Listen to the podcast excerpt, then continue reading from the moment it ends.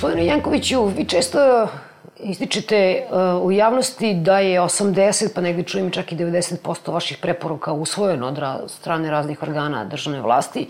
Međutim, mi smo ovde uglavnom da porazgovaramo o tih 10-15. Ponekad mi se čini kada čitam i vaše izveštaje da je to naravno značajno za pojedinačno za svakog od tih ljudi koji je bio pogođen nekom nepravdom, Međutim, pomalo liči na ono kao da je e, Titanik, pa vi onda zaštitite prava ložača ili brodskog malog, ali brod tone. Tako da mi se čini da je u ovih 15% smešteno ono što je e, metafora propasti ne samo pravnog sistema, nego i političkog i tako dalje. E sad, kako objašnjavate činjenicu da neki od tih e, najosjetljivijih i u javnosti najprisutnijih e, slučajeva Da počnemo od uh, afere helikopter, uh, prebijanja premijerovog brata, Sava Male, bespravne gradnje u Novom pazaru i tako dalje, da tu jednostavno je i izvršna i svaka druga vlast potpuno zatvorena. Dakle, tu vi niste mogli, osim da u javnost, ništa zapravo da uradite. Postoji više razloga zbog kojih i ja poklanjam mnogo više pažnje kad tih 15% nego onih 85. Dakle, kad bih hteo da budem licemeran, mogao bih da kažem zaštitnik građana u Srbiji je jedan od najuspešnijih, jer to je zaista, zaista dobar rezultat u odnosu na to da sudstvo ima problema u izvršavanju opšte obavezujući sudske presuda, dakle da preporuke budu, budu izvršene. Međutim, vi ste potpuno u pravu. Nekoliko razloga zašto su ti 15% preporuka suštinske. Prvo, mi imamo sistem koji generiše probleme masovno, svakog dana. I zaštitnik građana nije mehanizam koji može svaki od tih, niti je zamišljen kao takav mehanizam, da ispravi svaki od tih problema, nego da uzme neke od njih kao primer, pokaže kako treba raditi i onda sistem dalje nastavi da radi kako treba, ugledajući se na onaj jedan ugledni primer koji je zaštitnik građana izdvojio.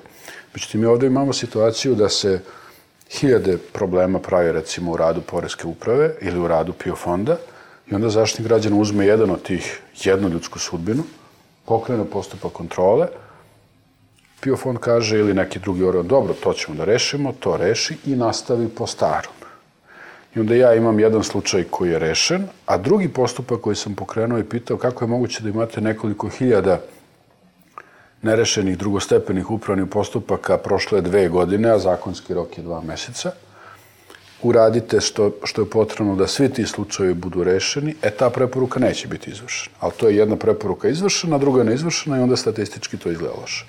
Drugi razlog, vi ste rekli, naveli neke veoma vidljive, značajne slučaje. Ti slučajevi u kojima se pojavljuje taj specifikum da se meša čist život, dakle jedna penzija obična, a ovde imamo neke posebne ljude, ti slučajevi se koriste obrnuto, da, da vlast pokaže da postoje ljudi koji su iznad zakona. Prvi put kada sam dobio od ministarstva e, odbrane odgovor da neće da poštuju zakon u odnosu na zaštika građana, bio je u slučaju prebijanja dvojice braće viđenih ljudi u Srbiji. Dakle, pokazali su da kad su u pitanju ti ljudi, ministarstvo odbrane kaže, e ne, ovde odstupamo od, prakse. I to je suština našeg problema, što zakon ne važi podjednako za sve. Pravila važe za neke druge ljude, ali nikad za one u čijim su rukama mehanizmi za sprovođenje tih pravila. I završavam zbog toga ono što kao zaštitnik građana radim, služi da pokaže da se može u Srbiji normalno raditi. Da nije nemoguće da Srbija bude uređena zemlja u kojoj administracija rešava zahteve, pritužbe, e, žalbe, Dakle, to je moguće, ali da bi to postalo pravilo, a ne izuzetak, način vršenja vlasti mora da se promeni, vlast mora da se shvati kao obaveza, kao odgovornost, a ne kao sirova moć. Vaša institucija sad, pogotovo posle ovih napada koji ste vi doživjeli u poslednje vreme, izgleda, kako da vam kažem, izgledate ko maršalat. Idemo da se žalimo kod Saše Jankovića.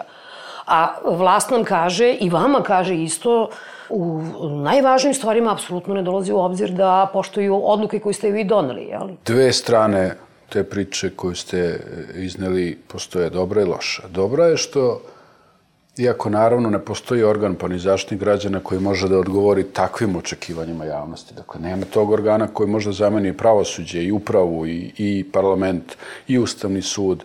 Ne postoji tako nešto. S druge strane pokazuje da građani kada prepoznaju da neko iskreno, suštinski pokušava da radi, a ne da nađe izgovore, da poklanjaju poverenje. Dakle, nije nemoguće stvoriti poverenje građana u državne organe.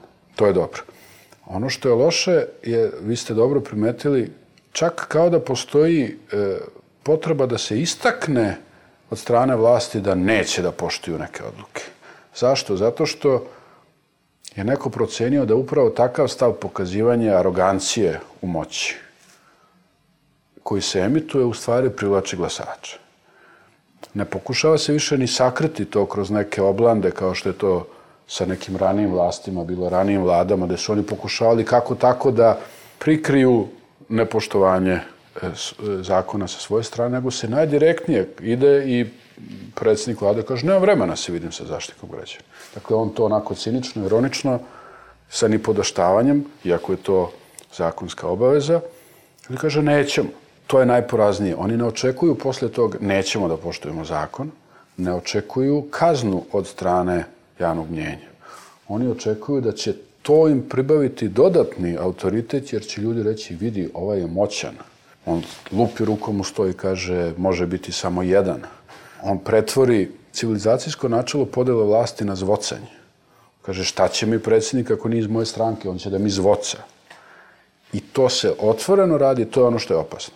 Ta vrsta populizma i prigrabljanja moći koja kaže ne trebaju nam institucije, ne treba nam zakon, ja znam šta je najbolje i ne plašim se da pokažem. Sećate se, davno je to počelo, oni sednica vlade za vreme poplava kada je bilo vikanja, lupanja o stoj, kada su ministri i načelnik generalštaba hvatali beleške.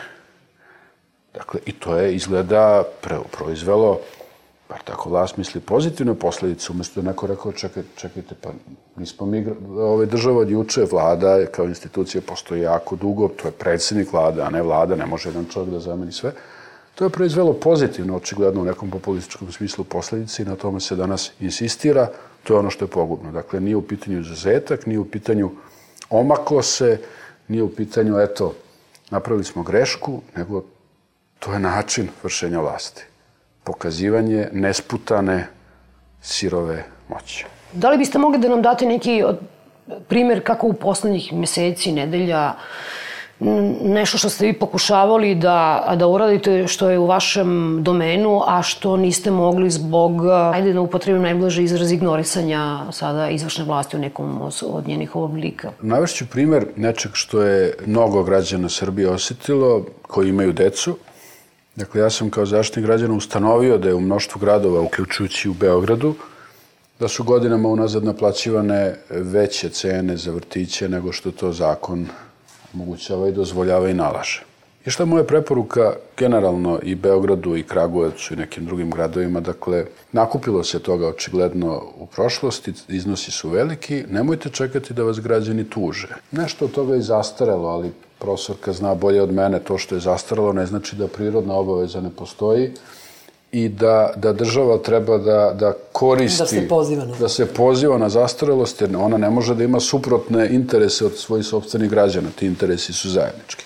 Ali tako, takođe i građani će, će sigurno razumeti da ne mora sve da se plati u novcu. Dakle, ponudio sam opcije Beogradu ta deca idu i na bazene, neke idu i, i, i koriste neke resurse grada, dakle ponudite i u naturi, dakle ponudite na bilo koji način, pokažite dobru volju prema vašim građanima, nadoknadite to što im je uzimano više nego što zakon propisuje.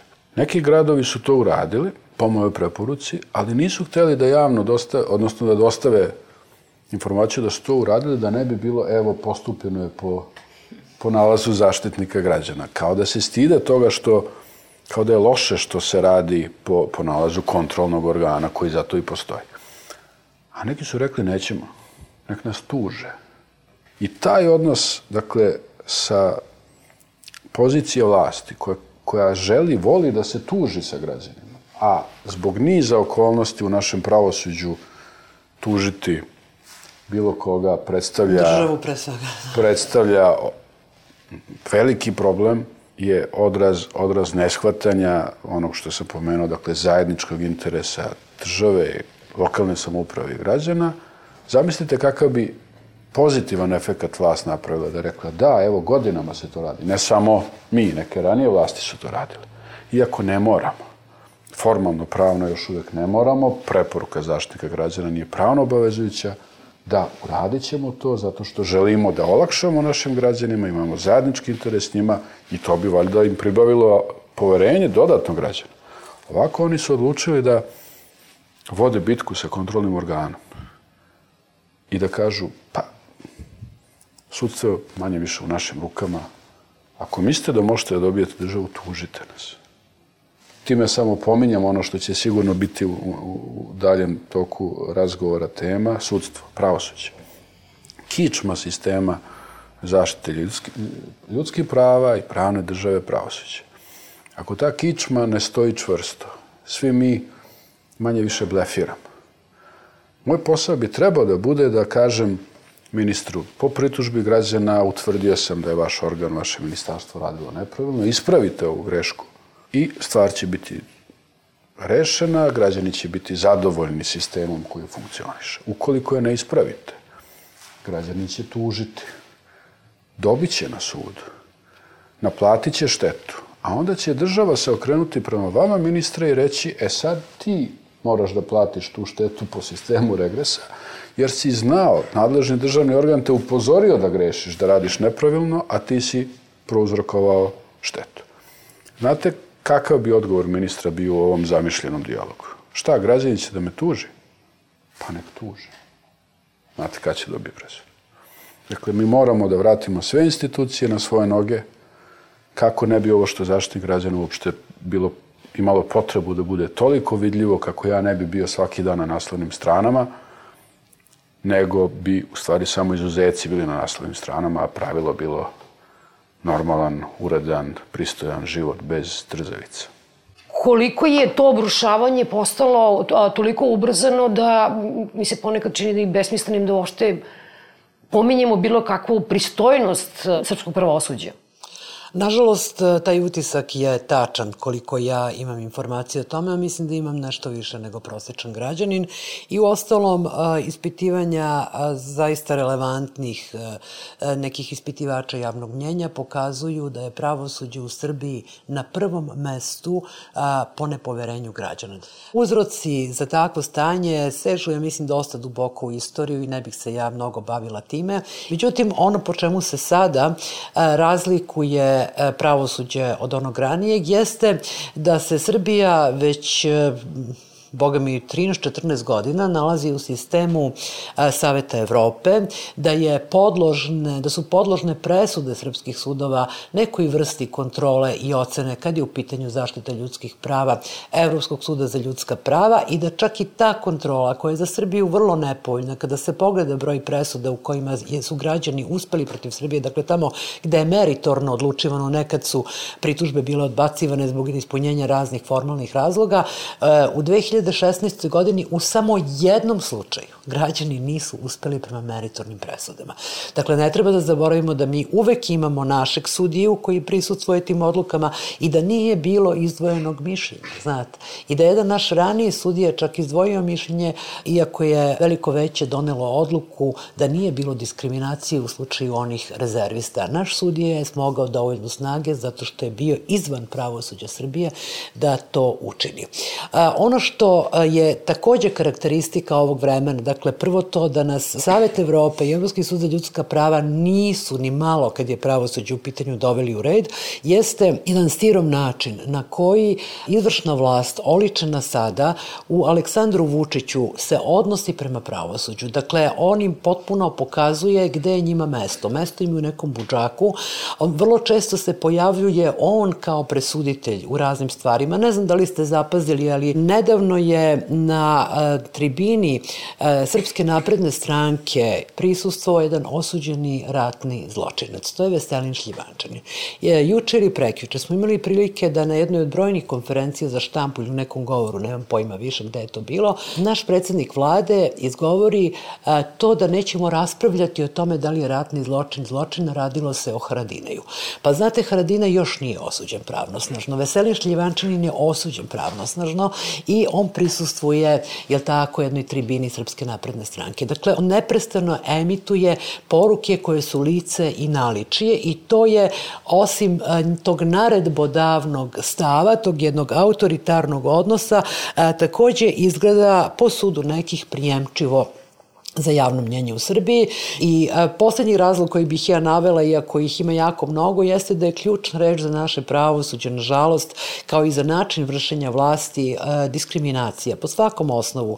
A, poznato nam je sve koje su manjine u Srbiji diskriminisane, da su diskriminisani Romi, na koji način se vrši ta diskriminacija, da su diskriminisani pripadnici LGBT zajednice, ali sada se nekako većina u Srbiji u očima naše izvršne vlasti posmatra kao manjina koju treba diskriminisati. Jedini koji nisu diskriminisani, to su pripadnici najuže kruga političke klase i kaste. Ne svi, evo, na primjer, Miša Vacić, kao jedan od članova tog sistema koji zovemo vlada, je doživeo otkaz na otvorenoj sceni. Dakle, on ne spada u te a, privilegisane, premda je strašno što je uopšte i bio ovaj, zaposlen takav čovek. Ja mislim da se vi dobro sećate da. našeg susreta sa tom grupom, jednog od brojnih susreta.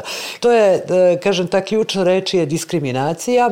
Diskriminacija koju opet naša vlast, oličena u premijeru, pokazuje e, na svakom mestu. Ja ne znam da li zaštitnik građana shvata i razume da se naš premijer ne zadovoljava samo ulogom e, da presuđuje. On kaže za onu fotografiju koju je Veljerić pokazao, pa dobro, meni je rekao taj lončar da je, ne znam, ono, perisao oca nekog od tih ljudi, tamo kaže, ne kaže mafijaša i da je ta fotografija nastala nastala tom prilikom i ja njemu verujem. Verujem da ćemo se vratiti na taj slučaj, da bih ja nekako pokušala, ako premijer ima vremena, da mu objasnim zašto ne sme da veruje. Ali naravno, e, verovatno, neće se on e, time baviti. Ali on je sada postoji zaštitnik građana. Znate, on prima građana. On prima građana neposredno, više ne postoji između premijera i građana, više nema institucije. Znate, to je odnos tako nečega između premijera i monarha koji tako pokazuje svoju dobru volju, pa prima građana. Dakle, sve te uloge on preuzeo na sebe, a zašto je preuzeo, da se vratimo opet na pravosuđe, zbog te negativne selekcije, ključne reče diskriminacija, zbog toga što nekako ne uspevamo da postanemo građani, nego nekako više se ušuškavamo kao podanici, misleći da će nas oluja zaobići i uopšte zbog jednog opresivnog mehanizma koji ovde vlada već desetinama godina. Mogu li, da. izvinite, da kažem nekoliko reči iz moje perspektive o slučaju Šljivančani? Jednu vrstu nezadovoljstva, bar kod nekih ljudi, izazvala moja institucionalna reakcija gde sam ja osudio nasilje na toj tribini, ali ni jednom reču nisam govorio o samoj činjenici da se neko ko je odslužio kaznu za, za ratne zločine pojavljuje na jednoj vrsti javne tribine i promocije. I dozvolite da, da ja pokušam da napravim ono, onu distinkciju koju tražim da i drugi prave. Selin Šljivančanin je odslužio kaznu i njegovo formalno ljudsko pravo i suštinsko je da učestvuje u javnom životu. I pravo svake stranke, svake organizacije, vaše pravo kao specifičnog medija, da ga pozovete to. Kao zaštitnik građana ja sam savez države, državnih organa, ne savez političkih stranaka. Ja moram da na određen način postupam kontrolno prema državi, a da istovremeno štitim sistem vrednosti koji je podloga za sve zakone i za način na koje je naše društvo uređeno. Dakle, ja moram da štitim i pravo građanina koji je odslužio kaznu, nemam kontrolno ovlašćenje prema stranci i ja ne mogu da izrazim stav u tom konkretnom slučaju. Međutim, pre tog slučaja je bio jedan koji je došao do moje nadležnosti.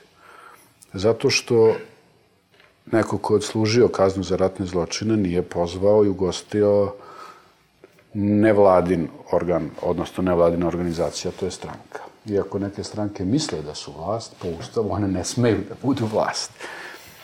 Kada je general Lazarević odslužio kaznu, on je vraćen vladinim avionom i dočekale su ga, čini mi se, dva ministra. Da.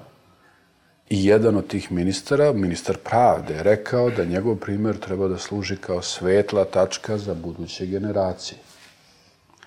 E, to je tačka u kojoj se i vrednostni sistem koji ja moram da zastupam i iskreno i zastupam, ali moja kontrolna nadležnost poklapaju i tu sam ja ne saopštenjem, nego u strateškom aktu koji ombudsman pravi svake godine u godišnjem izveštaju naveo to kao primer pogubnog načina na koji se država opredeljuje vrednostno prema dešavanjima iz naše prošlosti i rekao to što su ministri tako nešto uradili, što su dali državni oreol povratku neko ko odslužio kaznu za najteže zamislive stvari, je ono što iz dubine, ali i na površini urušava naše društvo.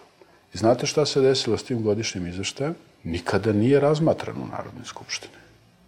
Zakon obavezuje i poslovnik Narodne skupštine Narodnu skupštinu da razmatra izveštaje nezavisnih kontrolnih organa. I to na prvoj narednoj sednici od momenta kad ih podnesemo. Izveštaj za 2014. godinu nije razmotren u Narodnoj skupštini. Za 2015. godinu nije razmotren u Narodnoj skupštini, a mi smo sad u 2017. godini. Znate zašto nije razmotren? Rad Narodne skupštine prati javni servis. Ja nemam naravno dokaz, ali imam sve razloge da sumnjam. Da vlast neće zaštitnika građana, povrenika za informacije Rodoljuba Šabića, neće na javnom servisu, jer ovo što sad pričam, ja bih pričao na javnom servisu građana Srbije, a oni to ne žele da građani Srbije čuju. Tu je ovaj, e, u suštini razlika između ove vlasti i svih ranijih vlasti, ne samo u toj e, sirovosti koja kao sirovo meso ne proizvodi baš neke dobre efekte, nego u tome što su oni e, uspeli da civilizacijski i, i kulturnu matricu našeg društva toliko stanje, ako to uporedimo sa nekim ledom, da je stanje do samoga pucanja, znate. E, to nisu uspele e, ranije vlasti, uspe u nekim razdobljima e, vršenja vlasti Milošević, pogotovo tamo kada smo došli već u ratnu situaciju. Posle toga je nastupio nekakav predah u toliko što ste mogli da se klizate po toj siromašnoj i neodržavanoj, ali ipak kakvoj takvoj kulturnoj civilizacijskoj matrici, a da se ne bojite da ćete upasti u tu vodu. Sada se međutim to stanjilo do pucanja i mislim da čak ni oni koji su proizveli tu sirovost i to činjenje trošnom te naše osnovne matrice uopšte nisu toga svesni. Jer znate, oni imaju mnogo bolji nagon za samodržanjem od svih nas. Da su toga svesni, bili bi, shvatili bi. Kroz taj led propadaju i oni. Znate, nećemo propasti samo mi. I to je ono što bi nekako trebalo da se shvati, ali ja nemam iluzije da će biti shvaćeno uopšte. Da se vratimo sada na ovaj slučaj koji ste pomenuli, Velimir Ilić je dostavio fotografiju na kojoj se aktualni ministar zdravlja nalazi na fotografiji sa čovjekom iz Zemunskog klana, sa Spasojevićima, tako? I jeste, premijer Vučić je rekao, ja njemu verujem.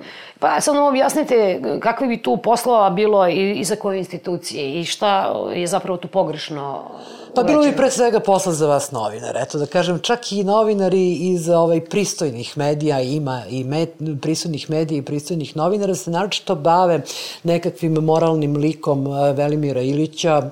Zašto nije ranije, kako je došao do ovog izveštaja. Čak sam čula da se tužila za visokotehnološki kriminal bavi time kako je došao do jednog izveštaja. Možda a grešim. A to je ministarka Mihajlović A možda tražila. grešim, ali ja mislim da je taj izveštaj morao biti javan. Znate, da nisam sigurna, jel? Vi ćete to bolje znati od mene, ali to je sporedna stvar. Možda zato što sam pravnik, ja tu vidim e, dve centralne stvari kojima nije poklonjena dovoljna pažnja. Prvo je njegova tvrdnja da je njemu ovaj neko presekao nešto na automobilu, da je to učinjeno namerno. Mislim, to je tvrdnja koja kad se javno iznese mora nekog radoznalog javnog tužioca, pa čak i ako nije radoznao po službenoj dužnosti, veoma mnogo da zainteresuje. Drugo je uh, ovo o čemu vi govorite, a to je uh, ta fotografija E, potpuno i relevantan način za mene na koji on došao do, do te fotografije i to verovanje Lončaru. Vidite, ima tu nekoliko stvari koje se kose sa tom slepom verom našeg premijera. Prvo dva zvaštićena svedoka, ali hajde, oni su možda to učinili da bi spasili svoju kožu, tvrde i tvrdili su u toku postupka za ubistvo premijera Đinđića da je e, Lončar, tako da kažem, e, doprineo na jedan medicinski način, na jedan upotrebi neku težu reč, prerano i smrti određenih ljudi i zato su ga izvali doktor smrt. Drugo, na sajtu Krika sam pročitala ozbiljno dokumentovan tekst u kome se vidi da je ministar Lončar kupio nekakav stan na Novoj, Novom Beogradu od žene Sretka Kalinića. Da se to desilo 9 ili 10 dana, pošto je neki od tih ljudi koji su, koje su utvrdila ova dva zaštićena svedoka umrao pre nego što mu je vreme došlo. Sada imamo tu fotografiju. Ja znam da je naš premijer pravnik i da je završio prava kao dobar student. Znate, u takvim stvarima, kada ste premijer, tu nema verovanja ili neverovanja vašem prijatelju, saradniku, stranačkom drugu, ministru u vašoj vladi. Jednostavno postoje neke hladne činjenice, hladni, tako da kažem, indicije koje imaju izgleda da prerastu dokaze ako se budu kako treba procesirali i njih mora neko da proveri. Premijer nije tu da proverava te činjenice. To nije njegov posao.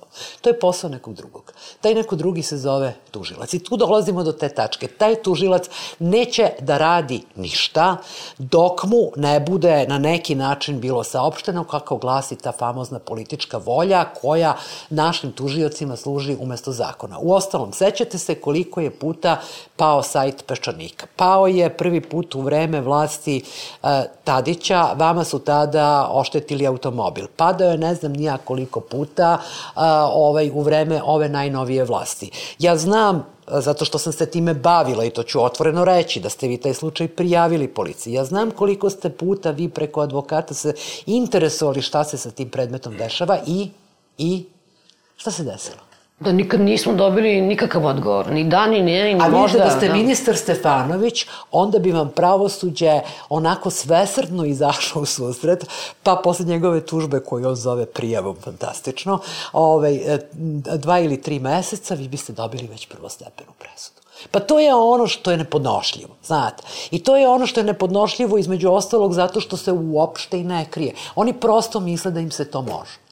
E pa ne može im se, znate, neko ih gleda, jednostavno im se ne može. Ili ako im se može sad, neće im se moći sutra i preko. Pogledajte razliku na, na osnovu ova dva primjera. Dakle, vi ste se i meni obratili kada je vaš auto oštećen, nezadovoljni neefikasnošću rada policije i tužilaštva u rasvetljavanju tog slučaja. Da, ja sam se onda žalila i tvrdila sam da je zapisnik promenjen sa samog uviđaja i da to nije tačno. Ja sam tražio tada od policije u skladu sa mojim nadležnostima da me obavesti šta preduzima, šta radi, da, da, da, dakle, da vidim da li zaista postoji zataškavanje tog slučaja ili ne. I dobio sam od, od direktora policije gotovo svakodnevne izveštaje po mom zahtevu sa kim se razgovaralo, koji krug ljudi je ovaj, davao izjave, koje vrste prepoznavanja su bile. To nije bilo efikasno, dakle nije se završilo rešenjem, ali oni su da li se pretvarali pred zaštitnikom građana da nešto rade ili stvarno rade. Danas kada zaštitnik građana kaže desio se incident u Beškoj, ja sam rekao zaštitnik građana će da proveri navode, tvrdnje koje je dobio da policija nije intervenisala na pravi način. Mi nemamo više od strane Ministarstva unutrašnjih poslova kao tad ili neefikasnost, ali pokušaj da se pokaže da se nešto radi ili zaista neuspešan pokušaj, nego imamo državnog sekretara koji kaže Janković politizuje svoju funkciju, zloupotrebljava svoju funkciju, laže, krade, šta god. Dakle, nemamo više ni pokušaj da se predstavi kako država funkcioniše, nego otvoreno dezavuisanje celog sistema i svođenje svega na profesorka je pomenula pitanje neke političke volje koja je u ovoj zemlji postala apsolutni arbitar. Nema svrhe da se pozivate na propise, nema svrhe da se pozivate na činjenice, ne možete da kažete, znate šta, u istoj sedmici u kojoj pravosuđe dozvoli da zastari slučaj od 10 godina smrti devojčice u privatnoj lekarskoj praksi i kaže da, bilo je nesavestnog lečenja, ali ove teži oblik je zastario, a za tri meseca to isto pravosuđe, do duše drugi deo tog pravosuđa po tužbi ministra rešava na jedan krajnje, krajnje interesantan, da to tako ja sad nazovem, ovaj način. Dakle, vi nemate ni, ni pokušaj privida, nego upravo suprotno, da se sve dezavuiše i kaže sve zavisi od političke volje. Da li je danas sreda, da li je danas četvrtak, Ako je naša politička volja da je danas ponedeljak, mi ćemo da izglasamo da je ponedeljak i to je politička volja i danas je ponedeljak. Da, nekako mi se čini da ovaj, eh, da se sa tom sirovošću sada pokušava ponovo zato što je Trump sa takvim nekim metodom uh, uspeo. Međutim, ovaj, mislim da uh, naši političari koji zastupaju pristup sirovosti ipak greše. Znate, kod njih je to novo. A mi smo sa sirovošću imali posla celih naših života, znate. Tako da nekako mi se čini da u tom pogledu Sjedinje američke države strašno kaskaju za Srbiju. Ja čitam dosta na internetu novina američkih i vidim koliko se njihovi novinari strašno čude što predsednik Republike preti novinarima. Mislim, uopšte ne mogu da shvatim čemu se ti ljudi čude. Vidim da je to za njih velika novina i nekako ovi naši sada misle da taj sistem spojenih sudova postoji u Srbiji. Ne, mi smo već kako kažem, oguglali na to i znamo da, da razni naši političari prete novinama i prete novinama i da te svoje pretnje vrlo efikasno ostvaruju, ali nekako možda će nam to pomoći da odrastemo brže. Ja sam bio igrom slučaja u, u, u Vašingtonu, čini mi se dva dana pre zakletve novog predsjednika. Recimo, video sam demonstraciju jednog čoveka protiv e, novoizabranog još u tom momentu nezakletog predsjednika i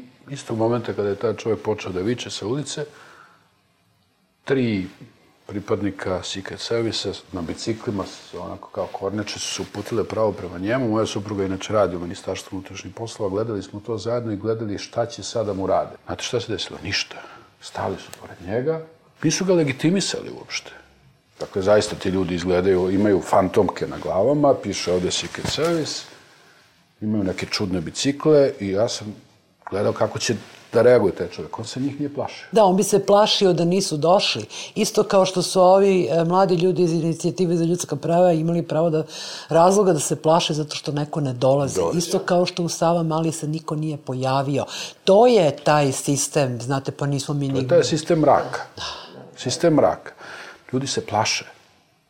Zato što se oni koji protestuju targetiraju kao Stavljaju državni neprijatelji.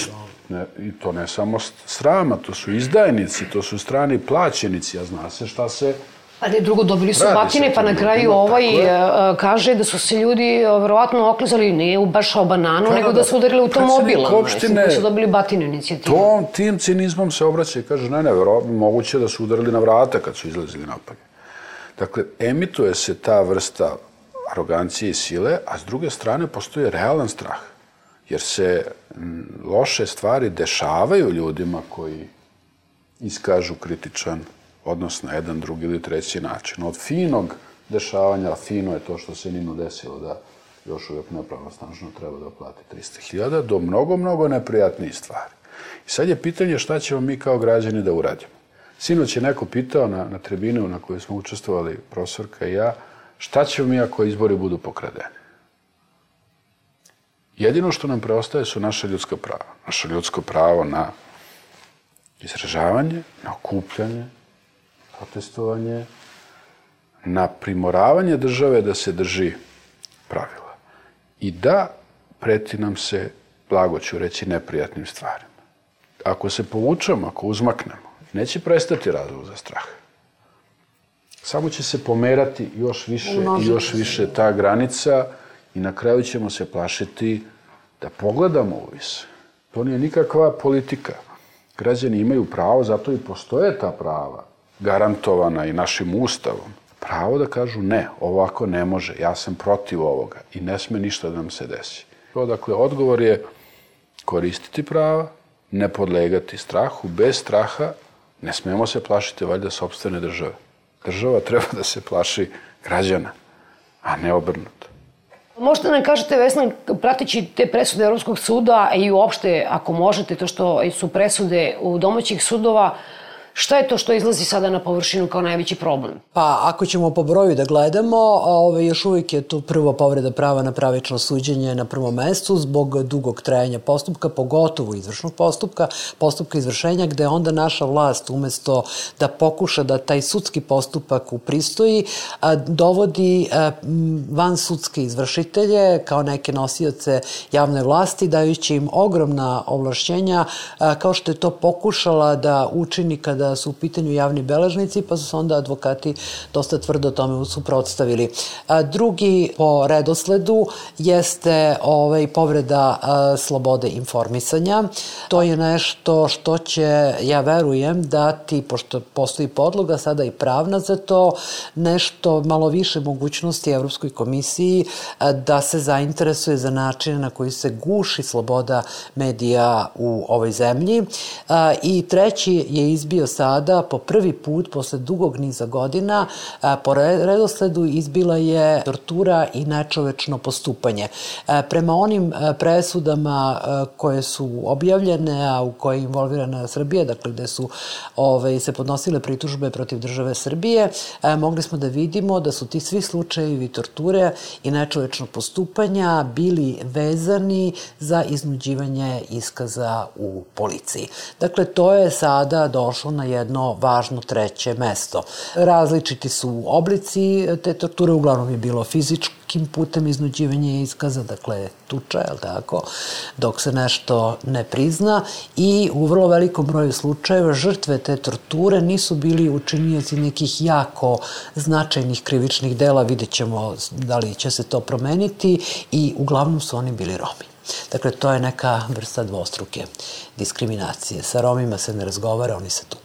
Kad smo kod policije, dosta je bilo slučajeva u kojima ste vi morali da intervenišete prošle godine. A već ću dva koja zajedno u stvari sklapaju sliku problema.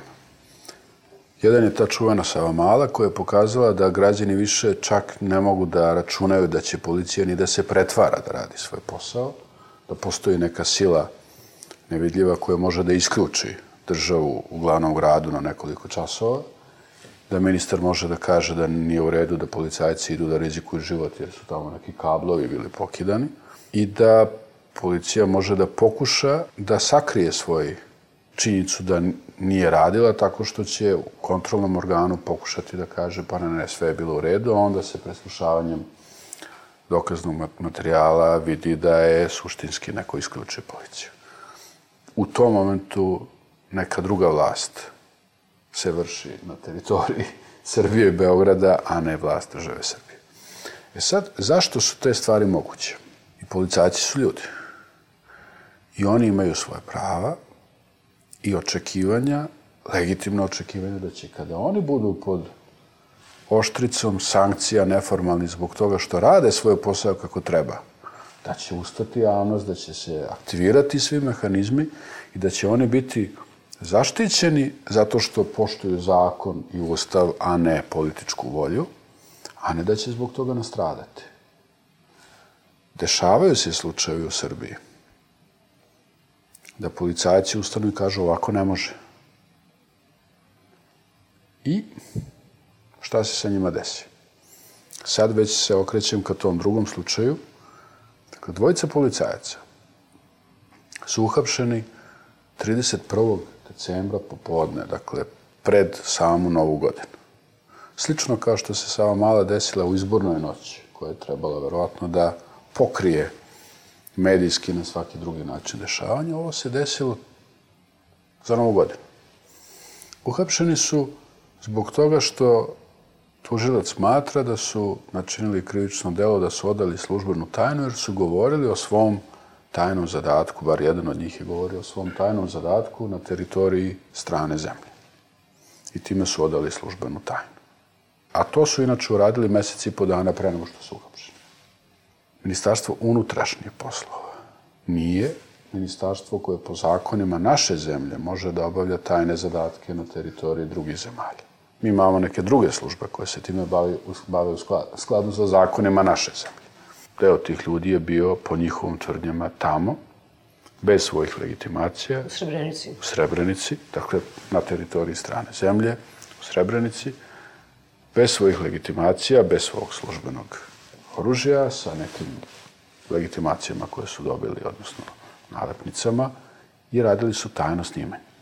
Oni to tako tvrde, to smo mogli da vidimo na nekim snimcima. To se tako ne radi.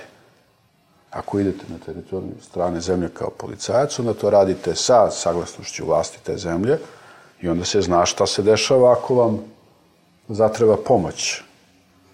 U ovoj situaciji oni su bili ostavljeni, bar oni tako kažu, sami sebi. 31. decembra su uhapšeni, ja sam pritužbu na to dobio 1. januara, elektronsku pritužbu, čini mi se dva sata popodne. I dežurna služba zaštite građana je otišla istog tog 1. januara. Dvoje ovih mojih saradnika je otišlo u skladu sa zakonom, posetilo ih, obavilo razgovor s njima, uzelo dokumentaciju da vidi o čemu se radi, da li su prilikom hapšenja poštovane njihova prava, s obzirom na neke tvrdnje. I to je jedan legitiman postupak kontrole zakona predviđen. Čim sam saopštio, pošto je bilo uznemirenje javnosti oko toga, pričalo se oko toga, ja sam rekao, postupak je u toku, a pravo suđenje će da utvrdi da li su načinili krivično delo. Ali da li je njihovo hapšenje, da li su okolnosti njihovog hapšenja e, predstavljale kršenje njihovih prava, to će da utvrdi zaštitnik građana. I mi imamo iz Ministarstva unutrašnjih poslova odmah, istog momenta, saopštenja državnih sekretara, opet zaštitnik građana, politikant, radi svoj posao. Dakle, sad i ti policajci u Srbiji gledaju kako će se završiti priča sa njihovim kolegama. Ta ista dvojica ljudi su podneli krivične prijave protiv svojih rukovodilaca zbog te stvari, koje su ekspresno odbijene, odbačene. Imali smo nedavno protest policajaca, sindikata policijskih i vojnih. Na koji način su ti protesti legitimni protesti? Zakonom predviđeni protesti. Bili tretirane od strane vlasti, možda je bolje da ne pričam. I verbalno i ne samo verbalno. Dakle, mi moramo shvatiti da oni od, čije, od čijeg ponašanja zavisi ostvarivanje ili kršenje naših prava. Da i mi kao društvo moramo da obezbedimo njima i sudijama i svim drugima podršku u stvarima kad rade po zakonu i oštru osudu kad ne rade po zakonu. U protivnom, opet ću se ja baviti pojedinačnim slučajevima, ali neki, većina nekih tamo ljudi, većina će da kaže, ja, da ja biram između toga da izgubim posao i toga da budem u pravu, da budem heroj za jedan dan ko, koji će biti zaboravljen. Većina ljudi će, nažalost, da bude oportunista. Uvek će biti i oni sjajnih, vanrednih ljudi koji će, kad je najteže, da se ponašaju najprincipijalnije, ali na takvim ljudima ne može da se zasniva sistem. Na takvim ljudima možda može neka revolucija da se zasniva. A ne treba nam to. Naravno, to je kao sa veku. sudijama. Vrlo se često smatra da oni treba da budu neki heroji. Ne, sudija mora biti običan čovek, mislim, koji je kvalifikovan za to što radi. Ali e, čak i ta kvalifikacija koju dobijaju sudijama, kao da im uopšte ne daju sigurno da se drže tog zakona, a baš u ovakvoj sirovoj sredini treba da shvate da je najsigurnije i za njih i za nas ostale da se drže zakona baš kao pijani plota. Jer nemaju zašto drugo da se uhvate. Znate, politička volja je neuhvatljiva stvar, ne možete da detektujete. Ja ne znam šta će biti sa tim sudijom koji je doneo presudu u slučaju Stefanović ovaj, protiv Nina. Ja sam pisala na vašem sajtu. Ja prosto ne mogu da shvatim. Ja sam zaista dugo živela u ubeđenju, uprkos tome što su me ljudi koji su bili na tom ročištu uveravali da sam potpuno odlepila. Ako mislim da Stefanović neće uspeti sa tužbom, ja ne vidim kako on prema našem pravnom poredku na osnovu zakona o javnom informisanju i medijima, koji se tu primenio primarno, a sekundarno zakon o obligacijnim odnosima, što ne vidim kako je on mogao da uspe u tom postupku. Ja to ne razumem, znate, pošto nešto znam o tome. To uopšte ne mogu da razumem. To je... Dozvolite i ovo. Dakle, u obrazloženju te presude postoji jedna rečenica na više mesta koja govori o eventualnim propustima policije. Dakle, tamo stoji čak i ako je eventualno bilo propusta policije, ministar ne, ne odgovara za njih. Znate Ma, šta? videla sam to, to sam. Znate šta? Pravosuđe u ovoj zemlji, krivično ili, ili građansko, odlučuje o kršenju zakona na način da je nastalo ili krivično delo ili da, da je načinjena neka protivpravna šteta zbog koje se građanski odgovara. I to je domen pravosuđa.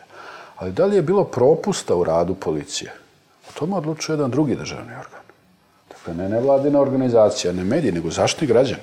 U zakonu stoji zaštitnik građana utvrđuje nedostatak u radu organa vlasti na štetu prava građana, utvrđuje nedostatak i daje preporuku kako ga otkloniti. I taj nedostatak, propust, sinonimi, su utvrđeni odlukom, odnosno stavom nadležnog organa. Ali sud misli da time nije vezan. I ne može, da, sud misli da time nije vezan. Zamislite kad bih ja napisao u nekom drugom mom postupku, ako je eventualno Milorad Ulemek učestvovao u ubistvu Đinđića.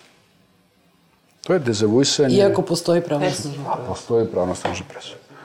Dakle, mi ne možemo da izađemo iz začaranog kruga u, kom, u, ko, u kome se dezavuišu i zakoni, institucije i sve ovo što sad mi pričamo je pokušaj racionalizacije neobjašnjivog. Ceo pravni poredak se suštinski zasniva na pretpostavci da će najviši organi vlasti poštovati taj pravni poredak, poštovati ustav. Ceo ustav stoji na jednoj pretpostavci da će biti poštovan. Ako oni u čime rukama je sila kažu neću, ko će da ih natera? Ako nećemo malo pre pomenutu ovaj, opšte narodnu pogonu. A nećemo. Ali ta pretpostavka mora da bude poštovana. Međutim, ovde je neko shvatio da može sa pozicije vlasti da kaže Neću.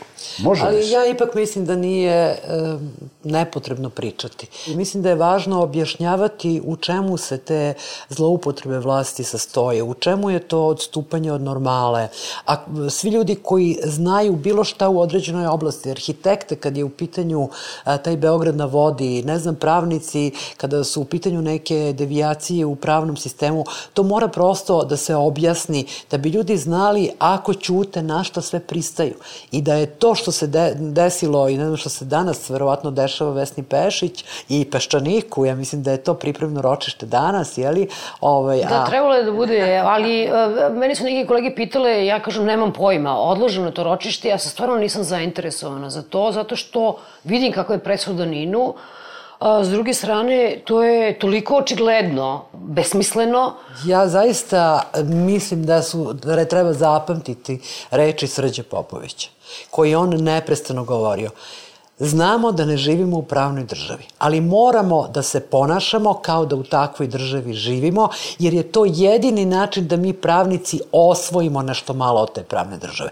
I to je nešto što uh, možda vama izgleda besmisleno, jer vi računate s tim da ćete izgubiti spor, ali ne.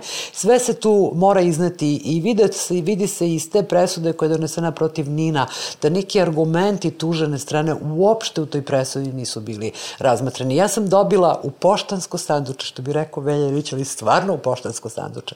Presudu u slučaju Andrej Vučić protiv Asomakuma propraćeno jednim pismom koje nije bio, bilo potpisano, sem što je rečeno da ovaj, mi tu presudu šalje moj bivši student.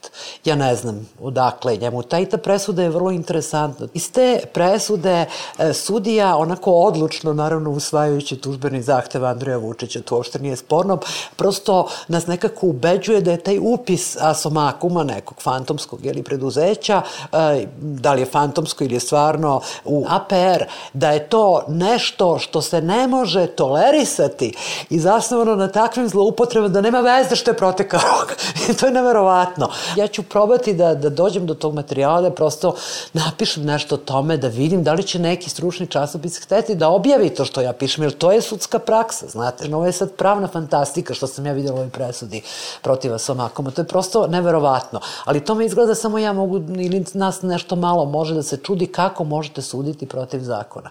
Ovde se radi o sudijama, pobogu, brate, o sudijama. Ako oni neće da primene ono što znaju, pa kako ćemo njih naterati? Pošto Andrej Vučić umešan u razne stvari, dakle, govorimo o... To je jedna, je to? O, jedna, ovako jedna potpuno e, banalna parnica koju je Andrej Vučić podneo protiv preduzeća Asomakum, a on se e, u APR-u, dakle, u, kod Agencije za privredne registre, vodi kao jedini vlasnik i direktor tog preduzeća.